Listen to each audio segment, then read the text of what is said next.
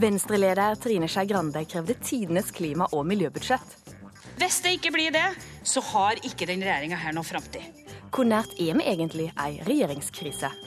Am I talking to the president? Yes, you're talking to Juan Manuel Santos, yes. Presidenten i Colombia er årets nobelprisvinner. Men visste du at fredsforhandlingene starta på en gård midt mellom Hamar og Gjøvik for fire år siden? Og er det greit å kødde med vitser om døde babyer, seksuelle overgrep og incest? Eller fins det ei grense for hva som er morsomt? Vi tar debatten om mannegruppa Otter. Velkommen skal du være til ukeslutt. Jeg heter Ann Kristin Listøl, og i denne sendinga skal du òg få bli med på hummerjakt. Kan du svare på disse tre spørsmåla uten å måtte ta et lite søk på nettet? Hva er navnet på han som fikk Nobels fredspris i går? Og hvorfor fikk han den? Og hva går egentlig konflikten ut på? Hvis du ikke er helt stø på dette, bli med oss videre ned til Nobels fredssenter. Der har de jobba intenst i ett døgn for å lage ferdig utstillinga, etter at presidenten i Colombia har fått fredsprisen. Reporter Sigurd Fleten, har de klart å bli ferdig? De har i hvert fall fått i stand en veggplakat oppe i andre etasje. Eh, og den er fin og informativ, den. Eh, men vi er altså nede i første etasje og tar imot folk. Vi er nemlig sammen med eh, to junioreksperter, Oda og Simon. Hei. Hei. Hei. Eh, og de har altså nå fått 24 timer omtrent på å lese seg opp, fordi det er jo ikke så lenge siden han fikk prisen. Var det vanskelig å, å, å finne ut alt om han på så kort tid? Nei, det var ikke sånn kjempemasse å lære akkurat. Nei, Men hvem er han, da? Presidenten i Colombia, Hva heter han? Juan Manuel Santos, Og hvorfor har han fått prisen? han har samla FARC-geriljaen for å um, gjøre slutt på borgerkrigen og lage fred i Colombia. Og har inngått en fredsavtale. Men Oda, hvorfor ble det borgerkrig, da? Hva, hva gikk den borgerkrigen ut på? Eh, at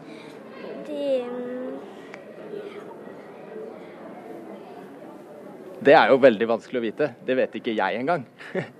Så, men dere er utrolig, utrolig eh, eh, modige. For de, dere skal jo ta imot eh, folk og fortelle dem om denne eh, fredsprisen. Hvordan blir det? Jeg tror det vil bli veldig gøy å lære bort ting, sånn at de òg får vite meg, og sånn at de òg kanskje vil eh, skape fred. Tror dere, altså Det har jo vært krig i Colombia i over 50 år. Simon, tror du at uh, de kommer til å få til å få fred nå? Mm, det hadde vært veldig fint om de greide å få til det. Tror du prisen kan hjelpe deg? Det kan hjelpe på noen måter, men kanskje ikke alle. Eh, Men det er jo noen som har ment at FARC også burde få fredsprisen, for de har også vært med på å jobbe med en fredsavtale. Eh, Hvorfor har ikke de fått den også? Eh, det er vel fordi at det var presidenten, eller Santos, da, som tok tak i saken, og ikke FARC-geriljaen. Og nå skal dere altså snart ta imot eh, lederen av, eh, av Nobelkomiteen, Kasi Kullmann Five. Hun skal eh, holde et foredrag her snart. Og eh, det, det kommer til å komme eh, folk renne på i løpet av dagen, så dere får nok å gjøre, tror jeg, med å eh, lære opp folk om hvem denne fredsprisvinneren er. Så her er det nok å gjøre, Ann Kristin. Og jeg må jo bare si eh, for noen flinke junioreksperter. Dette her, Disse kunne jo mer enn kanskje mange andre kan. Og så er det jo òg sånn da at denne her fredsprisen har jo òg fått litt påvirkning hit til Norge.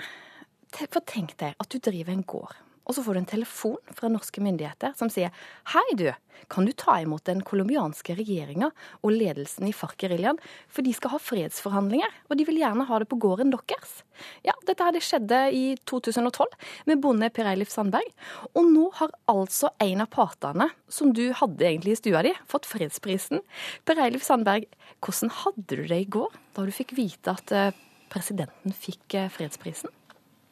Ja, vi felte en liten tåre, må innrømme det. Eh, det var usedvanlig hyggelig. og etter litt eh, tilbakefall forrige søndag, så eh, tror jeg dette her er en veldig fin vitamininnsprøyting i forhold til å lande en endelig avtale. Og, og, da skal jeg bare smette inn for alle som ikke vet det, at eh, presidenten har altså fått fredsprisen for ei freds, fredsavtale som han har framforhandla med FARC-geriljaen, men som ble nedstemt av folket for ca. ei uke siden. Allikevel fikk han fredsprisen. Du sier du fikk ei tåre i øynene. Hva var det som hva var det som gjorde så inntrykk? Vel, Vi har jo levd med denne her konflikten eh, siden 2012, da eh, FARC-geriljaen og myndighetene var hos oss. Og på toppnivå så framforhandlet altså man det første gjennombruddet, eh, som da munnet ut i en en avtale. Og det er klart Colombia har da stått vårt hjerte ganske nære i denne her perioden. Og jeg vet at du må utvise litt sånn diskresjon, men eh, det har allikevel vært litt kjent at disse her har vært hos, eh, hos deg, det har kommet ut. Ta oss tilbake til 2012. Når disse to partene da kom inn til dere, hva, hva skjer? Eh, ja, eh, det er eh, to delegasjoner. En delegasjon fra FARC, en fra myndighetene. Jeg vil ikke si hvor mange eh, fra hver, men eh, i tillegg så er det da meglere fra eh, norsk UD, selvsagt, men også meglere fra Chile, Venezuela og Cuba. Og disse skal forsøke da danne og få til et klima, og hvor vi også da har vår rolle i forhold til å legge forholdene til rette. Og Hva er det som er viktig å tenke på da for å legge det godt nok til rette? Ja, norsk UD er jo ganske vant til Ja, men jeg tenker på for din del, du som liksom da er verten på gården. Ja, her kan en liten tue velte et stort lass. Og eh, det er å være vertskap eh, for gjester, litt spesielle gjester, innrømmer det. Eh, og det er mye som står på spill. Men fasiliteter, møterom, senger, mat ikke minst, og atmosfære. Og at man også føler seg trygg det er uh, viktige elementer. Du sier lite at Tuve kan velte stort uh, laske. Hva er det som kan gå galt? Ja, det er Igjen tilbake til UD, som da er vant til å, å være meglere i store konflikter. Ja, men jeg tenkte på for din, altså for din del, når du skal ta imot dem, hva kan gå galt da? Eh, ja, at eh, eksempelvis hemmeligholdet, eh, at dette her ble lekket, det var ett viktig element. Men også at man liker maten, at man liker forholdet. Det gjør jo at skuldrene senkes overfor de som skal forhandle. Du Var du nervøs? Spent, men usedvanlig interessant. Men så, så, har jo du ei sånn gjestebok der folk kan skrive navnene sine i. Skrev de navnene sine der, eller? Ja da, vi har ei flott gjestebok, og der har alle forhandlere skrevet seg inn, også meglerne. Og det var jo det som eh, foranlediget dette her, at dette her nå ser ut. Vi har jo forsøkt å holde en litt lav profil. Men så skjedde det at vi hadde en gjest fra Colombia her i forrige uke. Og eh, vi begynte å snakke. Colombia ligger vårt hjerte nærme, nærme, som vi sa. Og eh, så ble jeg ganske andektig når eh, hun da skjønte at hun var på et sted hvor forhandlingene da hadde fått sitt gjennombrudd. Og hun tar med seg altså denne her gjesteboka inn på soverommet sitt, og vi får høre at denne her ligger av meg. Det er ganske sterkt. Hun blir emosjonell. Hun sover med boka om natta? Hun gjorde faktisk det. En meget eh, oppegående dame som også var innom avtalen, eh, hvor hun ga klart uttrykk for svakheter i den avtalen som var framforhandlet. Ja, for det, og bare helt til slutt da, Presidenten og FARC-lederen eller ledelsen, de ble jo enige om en fredsavtale som folket stemte ned. Tror du at nobelprisen kan påvirke noe?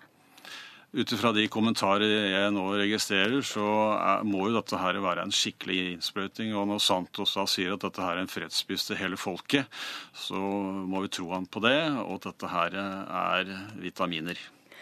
Per Eilif Sandberg, tusen takk for at du var med oss. Og så skjønner vi at vi må lese gjesteboka di for å finne ut hva slags andre gjester som kommer. Takk skal du ha. Lykke til.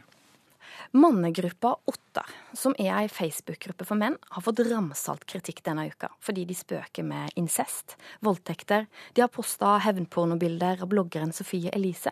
Og når enkeltpersoner har tatt avstand fra gruppa, har personene fått reaksjoner som dette. Grisesminka knulledokke skulle vært straffepult i en måned med slapp øltiss.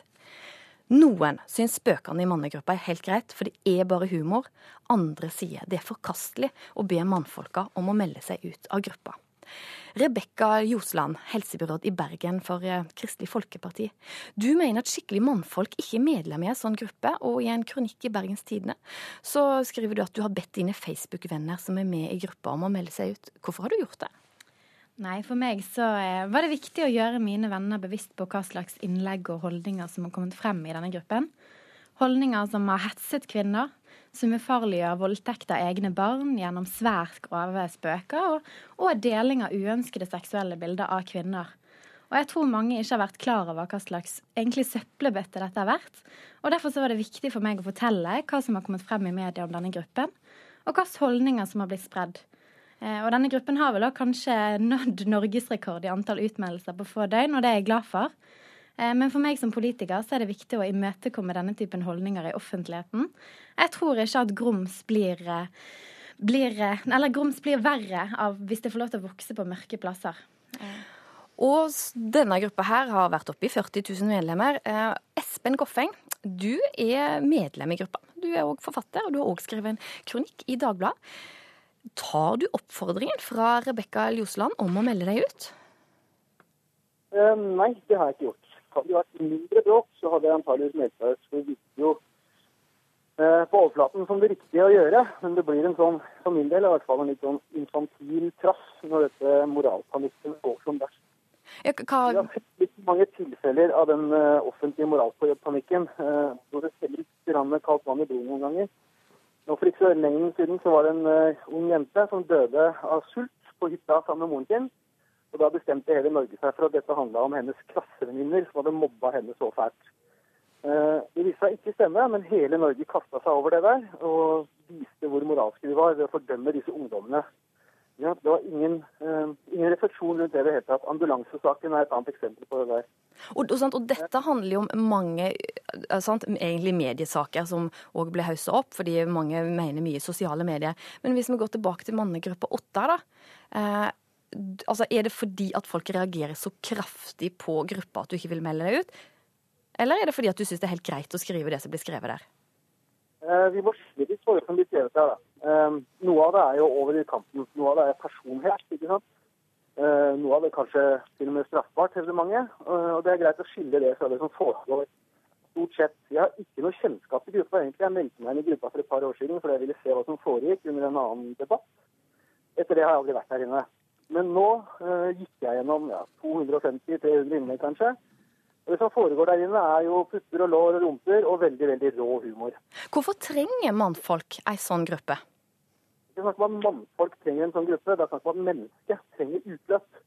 Dette her er antageligvis det samme instinktet som gjør at vi kjører berg-og-dal-baner og ser på skrekkfilm. ikke sant?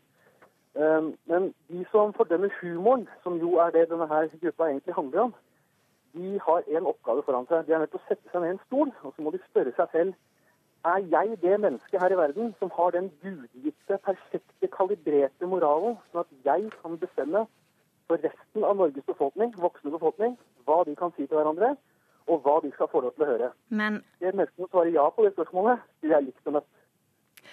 For Ljosan, ja, Grunnen til at vi sitter her i dag, det er jo ikke nødvendigvis pga. humoren som har kommet frem i gruppen, men det har vært grove trusler om fysiske og seksuelle overgrep. Det har vært spredning av uønskede seksualiserte bilder. Det har vært sjikane. Det har vært hevnporno. Det har vært trusler om å voldta 13-åringer. Bilder av en blogger som har sex med sin kjæreste.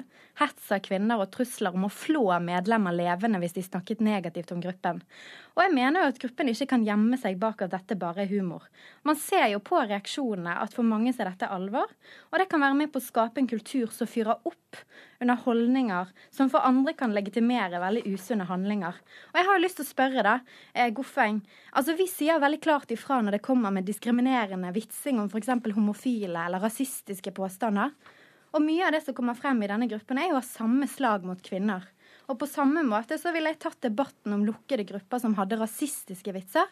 Så tar jeg debatten om, om hets av kvinner. Så jeg har lyst til å spørre, syns, syns du det er greit hvis det hadde vært en lukket gruppe med rasistisk innhold? Hadde det vært like greit?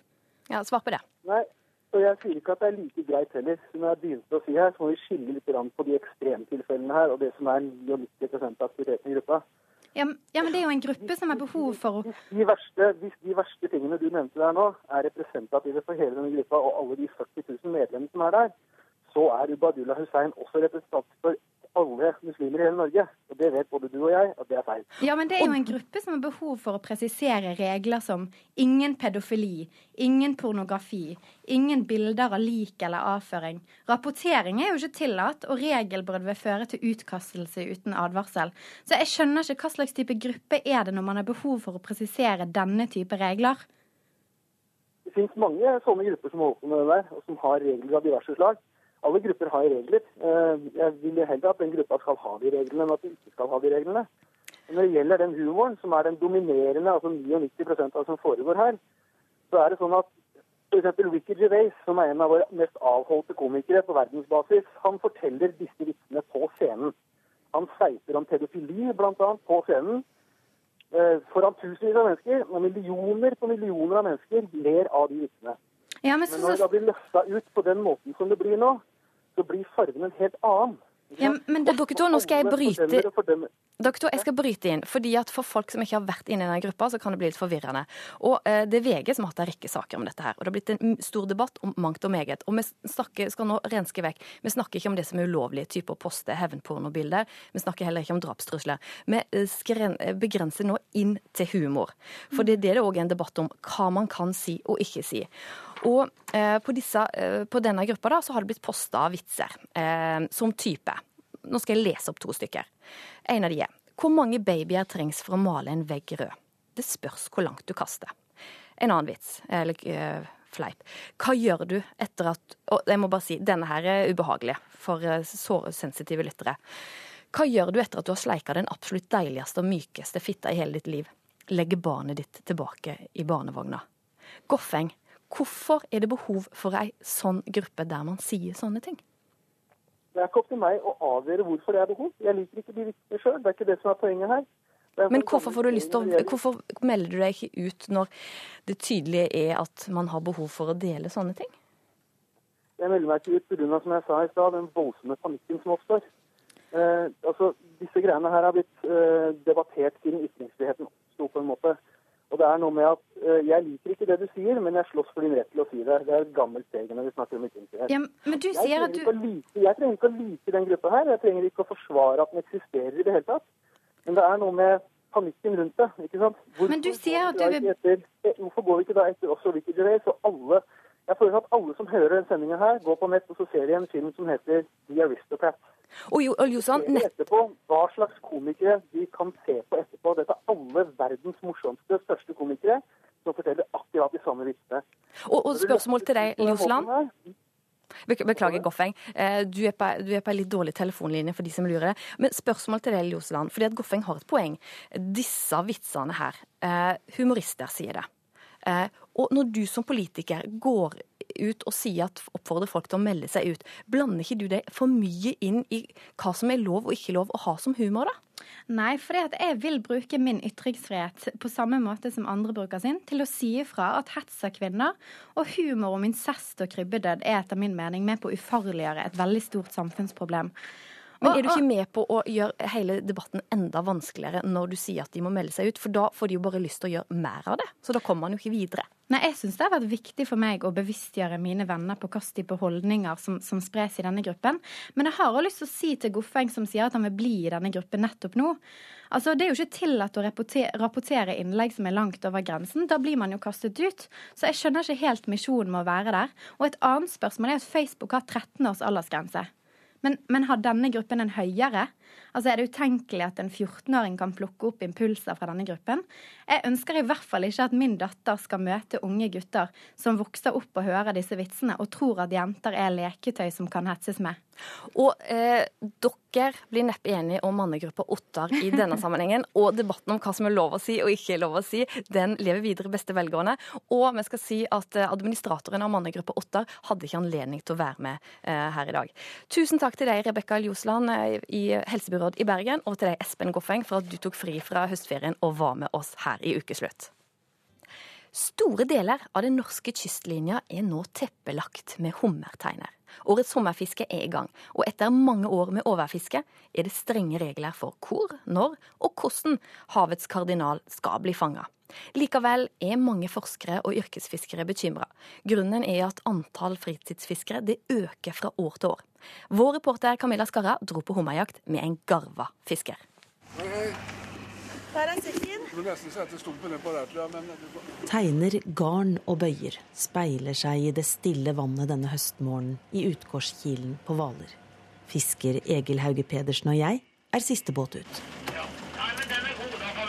På VHF-radioen er praten i full gang. Ja, det skal bli litt mer vind utover dagen, men eh, det blir sikkert ikke så ille gærent, tenker jeg. Egil har vært fisker på Hvaler helt siden han var 15 år og hummersesongen er en egen høytid. Hvor langt ut skal vi nå? Nå skal vi bort til heia. Der er det hummer? Ja, det satser jeg på. Det er noe. Noen er det helt sikkert. Men eh, det er et, et eh, lotteri, det egentlig. da. Du kan dra mange tommetenner, og så plutselig får du en med to-tre i, og så Det er det som er spenningen, da. Hver tjener du lufter inn, så er det like spennende hver gang. Skjærgården utenfor Hvalerøyene i Østfold er beryktet for sine mange undervannsskjær og grunner. Men nå i oktober er det en ekstra utfordring. For overalt ligger blåser og bøyer i alle farger og fasonger.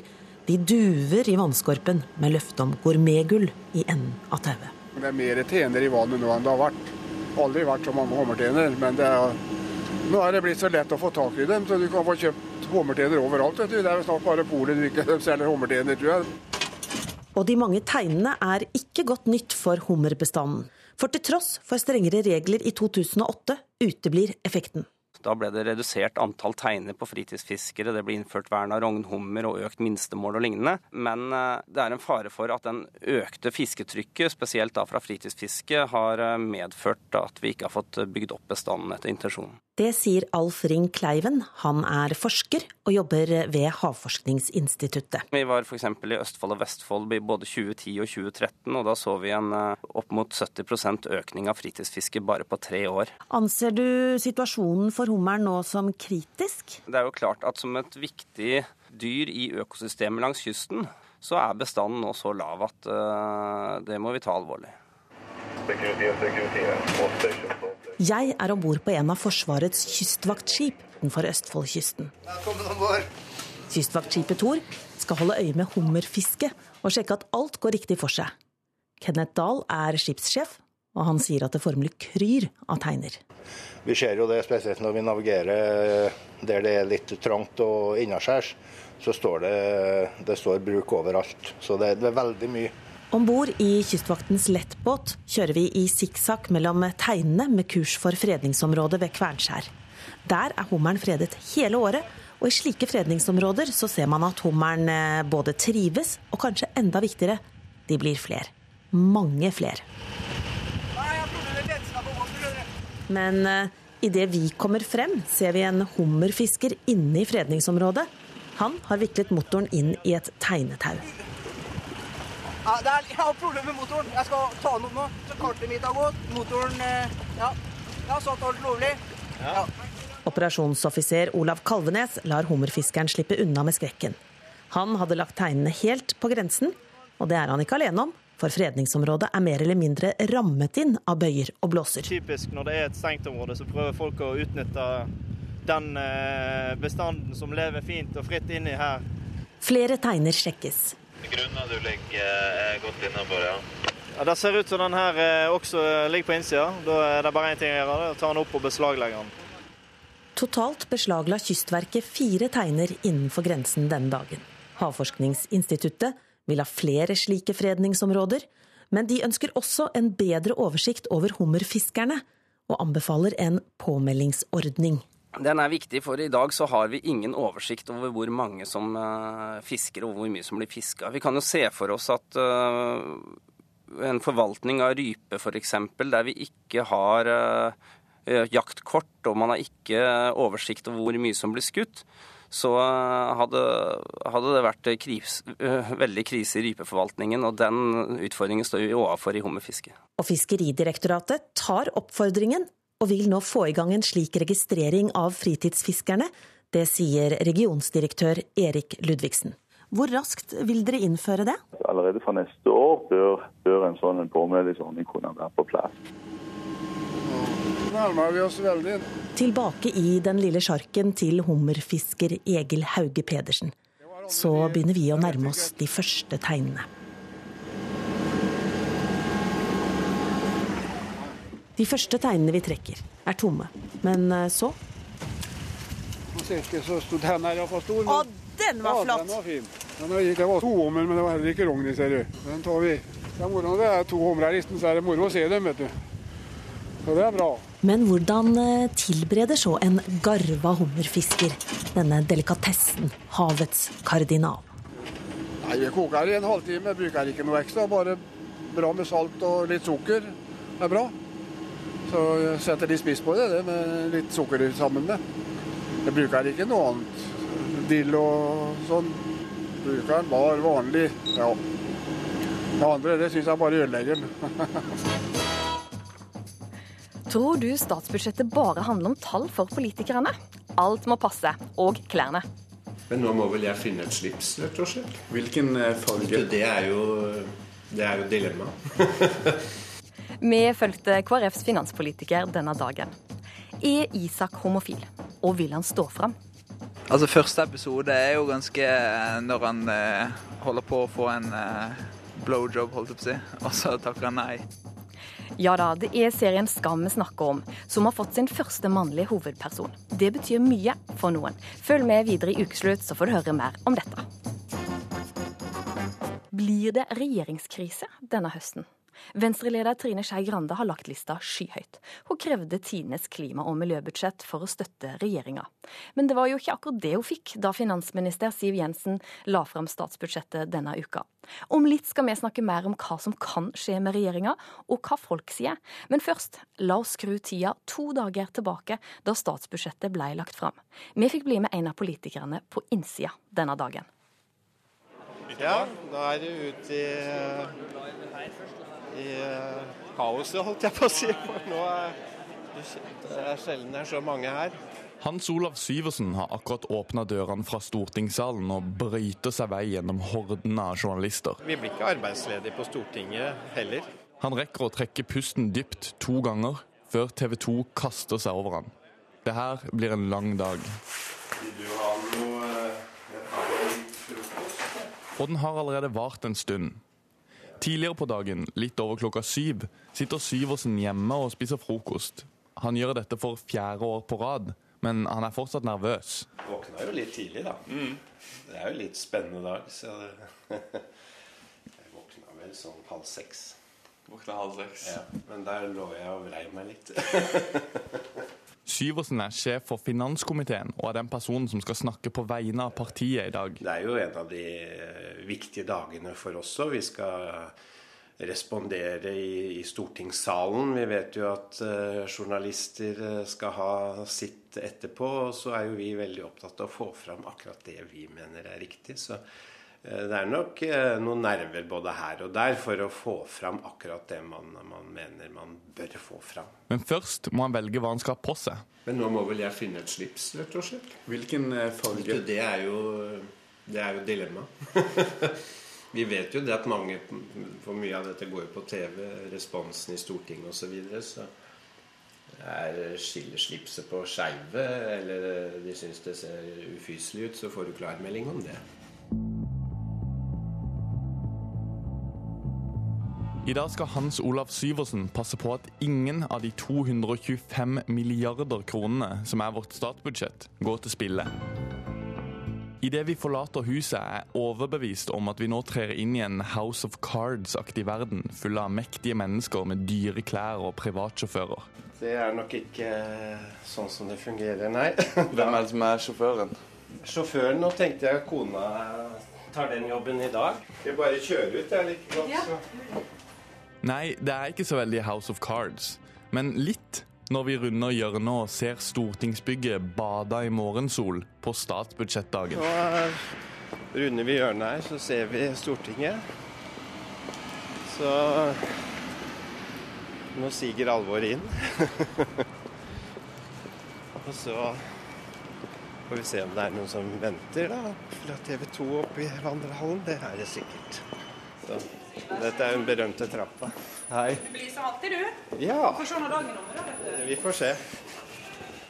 Så her er vår gang, kan vi si. Hva kaller du det? En smale sti? Ja. Det er ganske drøy, da. KrF har akkurat fått budsjettet, og bruker nå alle krefter på å lese gjennom det tykke heftet, sånn at Syversen skal være forberedt når Stortinget setter seg. Men hvis for å si noe jeg gjerne vil vite før klokka ti, så er det Så ringer de inn til møte, og Syversen får en siste klapp på skuldra fra partileder Knut Arild Hareide. Når statsbudsjettet kom, så er det jo Hans Olav som skal få dette statsbudsjettet i land. Og han leder jo finanskomiteen. eh, Og han er jo en suveren eh, Dette må du ta med, vær så snill. Ja, ja, for, for KrF. Så dette er hans dag.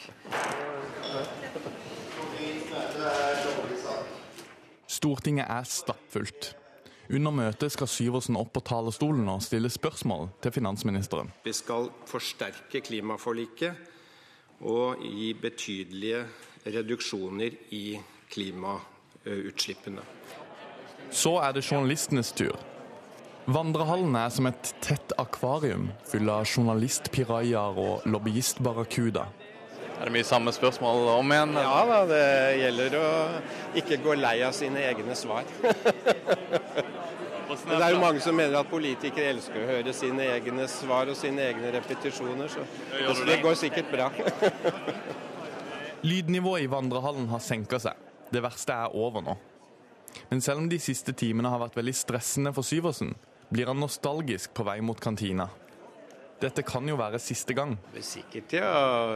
Hvis dette også er siste gangen for meg, så, så ja, hvis jeg da sitter eh, og tvinner tommeltotter og ser på TV og, og nei, da tror jeg nok jeg kjenner at det sparker litt i leggen. Det var reporter Daniel Eriksen som ble med Hans Olav Syversen fra KrF. Og pengesummen det er snakk om, det er 225,6 milliarder kroner. Og hvordan politikerne, politikerne prioriterer, det får betydning for folk flest. Reporter Sigurd Fleten, du har nå bevega deg videre, du, og er nå i drosjen til Tore Krohn Hansen. Hva syns han om statsbudsjettet? Nei, det, det må vi spørre om. Eh, Jeg, vi kjører altså gjennom eh, byen og på vei hjem, og nå er vi på Frogner, hvor det er litt sånn kjølig eh, lørdagsstemning, og folk er ute og går på tur. Eh, Tore Krohn Hansen, du er taxisjåfør, og du møter mye folk. Eh, hva mener folk flest om dette budsjettet? Det har ikke vært så veldig mye snakk om akkurat statsbudsjettet. Kanskje litt kjedelig og litt lite forandringer, kanskje, til at det engasjerer. Men jeg husker jo valget i fjor, eh, da Miljøpartiet kom inn. og Da var det mye snakk om eh, det med begrense biler innenfor Ring 1, eller stoppe all trafikk innenfor Ring 1, og det med E18. Det engasjerte veldig, da. Ja, Men ikke så mye nå, altså. Nei, det er helt stor forskjell. Det er omtrent ingen som eh, nevner noe særlig om statsbudsjettene. men du, er, altså, blir, er du komfortabel med at eh, Siv Jensen tar ut mer av oljefondet enn hun på en måte får inn? Nei, som økonom òg, faktisk, så syns jeg ikke det. Du er økonom også, ja? ja? Økonom også, ja. ja.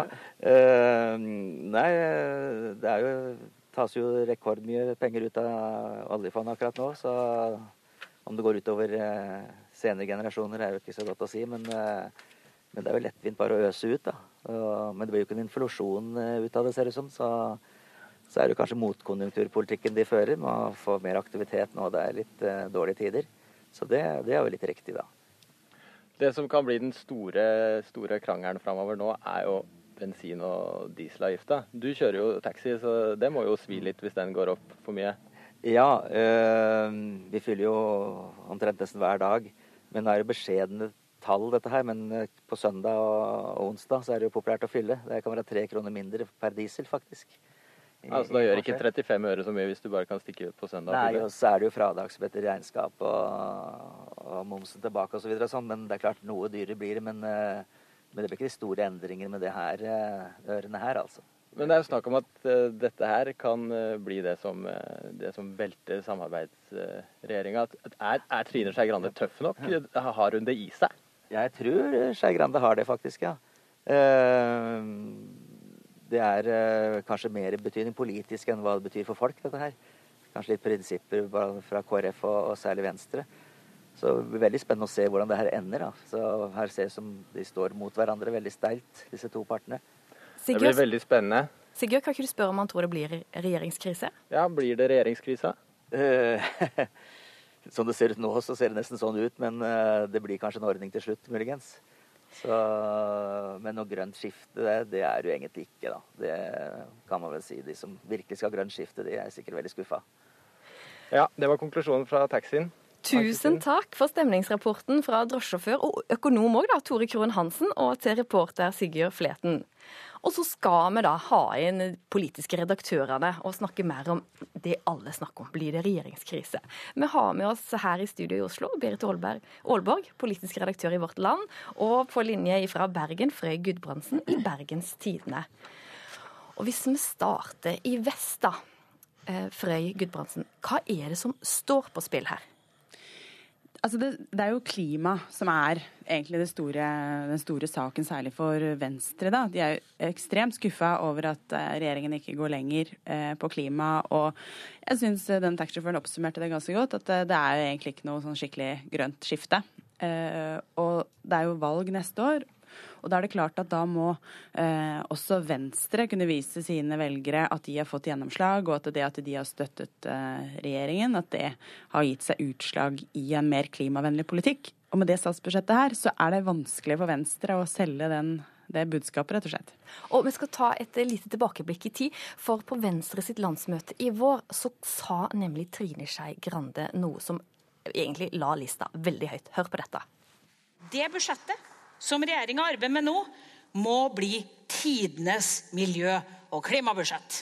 Hvis det ikke blir det, så har ikke den regjeringa her noe framtid. Berit Aalborg i Vårt Land, kan det bli regjeringskrise?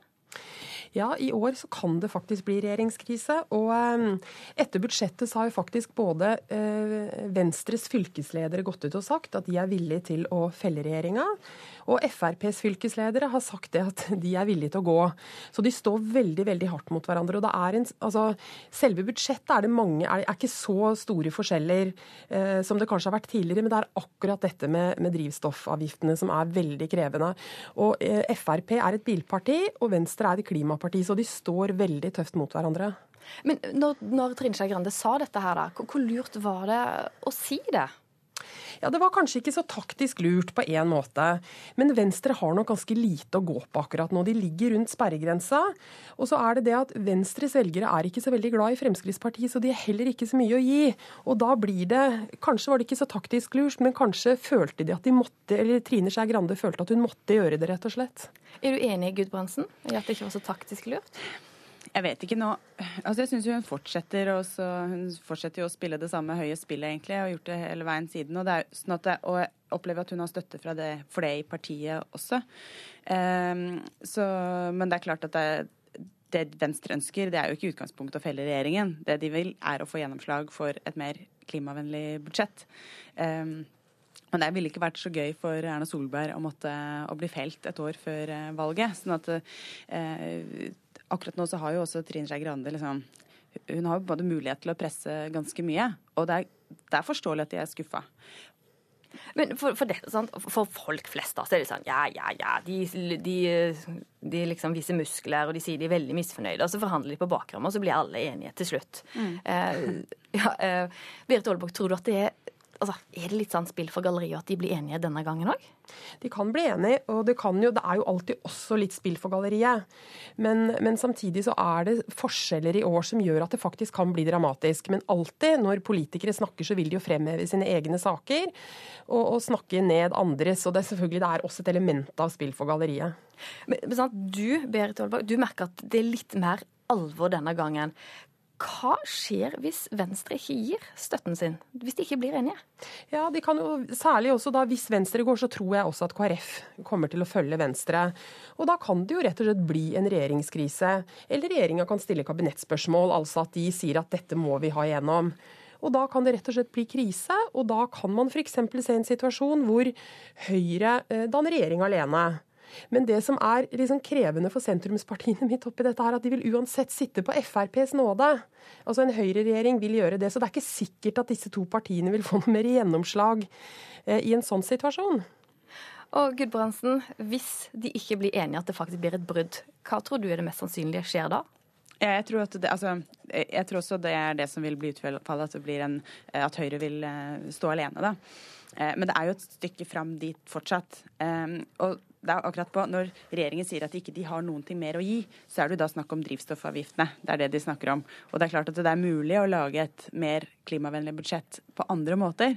Problemet er bare at det er liksom på transport det er eh, mest å ta av, og det er der det er liksom lettest kanskje også å få effekt. sånn at det blir mer det blir bare vanskeligere å få eh, de samme eh, klimaakuttene da, uten å gjøre noe akkurat der.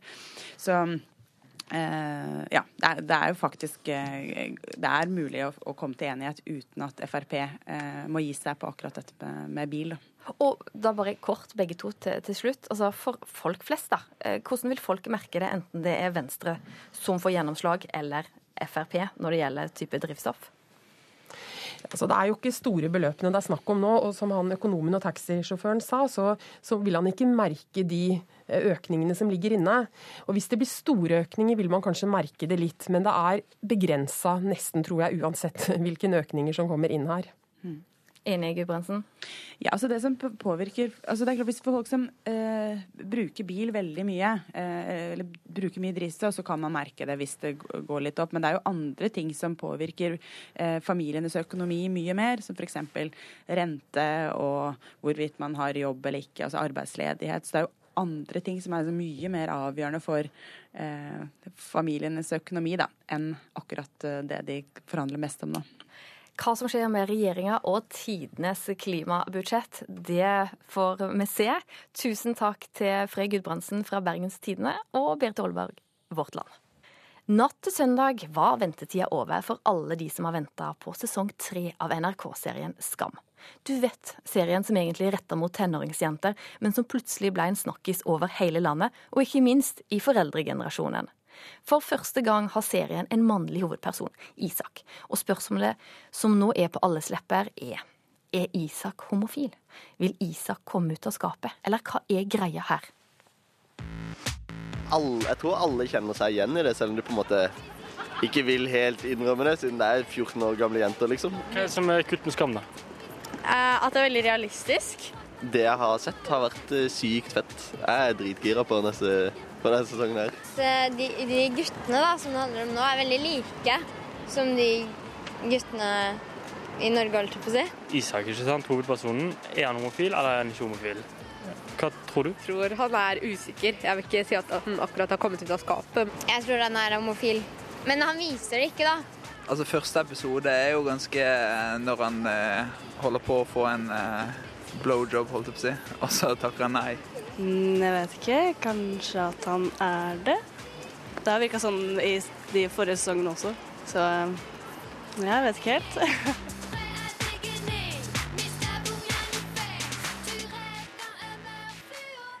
Jonathan Jæger, du er 22 år, du er fra Hammerfest. Jeg har fått besøk i studio, og du er en av de som har venta på at Skam skulle starte igjen. Hva tror du om Isak? Uh, jeg har jo veldig store forventninger. Jeg tror han er homofil. Uh, det er veldig mye som tilsier det. Det er en veldig sånn het, eh, Den promoen som var for, kom for lenge siden, den var jo veldig sånn guttegarderobe, melk og nakne kropper. og så det var jo veldig mye som tilsa at han skulle være homofil. Det har jo også vært mange, noen hinter Eh, sesong én slutta vel med at han fant sånn nettloggen hans med litt sånn homoporno og litt sånn forskjellige ting.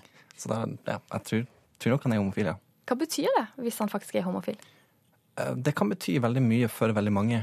Eh, Han, eh, altså, at man har noe å relatere seg til. Det har jo vært veldig lite altså den tema, Homotemaet, det, det har vært veldig lite av det i norsk eh, film, TV-serier, musikk osv. For du, Jonathan Jæger, du er deltaker i NRK-serien Ut av skapet, som har gått Mm. eh, i høst på NRK. Det er en dokumentarserie der vi får bli med fem ungdommer som står fram som skeive. Du har stått fram som homofil, det gjør du i første episode, og du gjør det ved å fortelle det til besteforeldrene dine. Da var du 21 år gammel. Jeg tenker, hvis jeg skulle stått fram, og så i tillegg gjort det med kamera på slep, jeg hadde ikke tørt. Valg, hvorfor valgte du å gjøre det på den måten? Eh, Først og fremst var det for min egen del, eh, for å få det overstått. Eh, og, men etter hvert som vi begynte å filme, så var det en sånn Altså du så liksom, Vi var fem personer i serien som alle kommer fra forskjellige plasser i Norge. Og vi har nesten akkurat samme historie. Akkurat de samme følelsene, akkurat de samme tankene rundt hvorfor er det så vanskelig å være åpen om seg sjøl. Men hvorfor er det så vanskelig? Altså, det er jo nettopp det du har, den skammen. Det er den skammen om din egen legning eh, som du får fra samfunnet. Eh, om at det å være homofil, altså du er unormal, du har ikke lyst til å være annerledes. Og altså, det hjalp veldig å ha et så godt team rundt meg, da, og ha ungdommer som også var, som skulle gå gjennom den samme prosessen. Så, eh, og fortelle det til noen de var glad i. Sånn, Altså, du, du visste i andre klasse på barneskolen at du var homofil, og da har du hatt hele oppveksten der du har holdt dette hemmelig. Kan du klare å forklare for oss hvordan det var å holde det hemmelig? altså, det er jo altså, det, altså, det, det er veldig horribelt, på en måte. For at du, du går jo og nekter for hvem du er hele ditt liv, og så uh, går du og føler at alle ser det, og at alle tenker det, så du går liksom og Altså helt sånn For min del så handler det veldig mye om identiteten, og det å på en måte skjule at jeg var homofil gjennom min identitet. Sånn, hvis noen sa det er fin skrift, så måtte jeg liksom skrive litt styggere, sånn at folk, ikke skulle tro at jeg var homofil. Uh, så det, det, det, ja, det var helt forferdelig å gå og skjule det. Og, og du sier jo at eh, i, i serien sier du at det var, helt, det var jævlig å liksom vokse opp som homofil i Hammerfest. Hvorfor er det jævlig? Det er jo fordi at du føler at Eller at det er på en måte én mal for hvordan du skal være hvis du skal være kul, eh, og ikke bli mobba og ikke være annerledes. Og så må liksom alle falle under den samme kategorien, da. Og når du i tillegg er homofil altså Du kan være dårlig i fotball, og så er det jo galt. Men når du i tillegg skal være homofil eh, på alt det andre, liksom, så går du bare og føler at du er den rareste i hele verden. Så det For det, det å leve med en hemmelighet, sant, det kan være veldig ensomt. Eh, Så tenker jeg, kan det ikke være verre er det ikke verre å leve i ensomheten og hemmeligheten enn å bare si det? Jo, men samtidig, når du lever, lever inni skapet, på en måte, så er du normal. Eh, Hva er det du slipper da? du, du slipper at folk spør deg om sexlivet ditt. Du slipper at folk liksom ser ned på deg, og at Hva er det folk du spør blir om da? Nei, De spør jo om du, altså, om du er kvinne eller mann i forholdet, om du tar eller får i senga. Det er veldig sånn personlige spørsmål som plutselig blir helt greit å spørre om fordi at du er homofil. Spør folk deg om sånt? Helt Mm. Yeah. Ja. Ja. Da, da skjønner jeg at Ja, for det er liksom Man går ikke bare og spør heterofile folk om alt sånt. Nei, det gjør man ikke. Ja.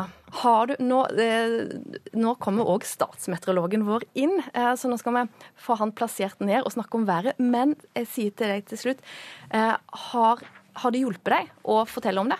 Absolutt. Et helt annet menneske nå. Åh, nå, fikk jeg, nå fikk jeg faktisk gåsehud. Jonathan Jæger, tusen takk for at eh, du kom hit og var med oss. Og så skal vi rett og slett få vite litt om været med. en, en, en litt unaturlig overgang her. Men Terje Alsvik Valle, statsmeteorolog. Hva slags vær får vi i helga? Mange får jo fint vær. Både Vestlandet og Nordland har jo veldig fint vær i dag. Trøndelag også. Men så ligger en del skyer her østafjells og en del skyer over eh, Finnmark og Troms. I morgen så fortsetter det på omtrent eh, samme måten. Dvs. Si at det er et høytrykk som gir sol for mange. Både Vestlandet, Trøndelag og Nordland får eh, sol i morgen også. Men i Rogaland så blir det mer skyer i morgen, særlig over Sør-Rogaland. Og dagens skyer over Troms og Finnmark forventes å løse opp utover morgendagen, så da blir det sol der også. Men i Finnmark så vil det nok henge en del skyer, iallfall det østlige halvparten av fylket. Her i Østafjell så blir det mye skyer i morgen, og det kan komme litt regn også, særlig utover dagen i morgen, og særlig sør og vest for Oslo. Og på Spitsbergen i morgen så blir det skyer og spredt regn. Temperaturen nå ved ett-tiden var i Tromsø 8 grader, Trondheim har 10, Bergen varmest med 14 grader, Kristiansand 11 og Blindern Oslo 9 grader. Ansvarlig for denne ukesluttsendinga har vært Jaren Rie Mikkelsen. Teknisk ansvarlig Erik Sandebråten. Jeg heter Ann Kristin Listøl. Jeg håper du får ei strålende fin helg. Ha det bra.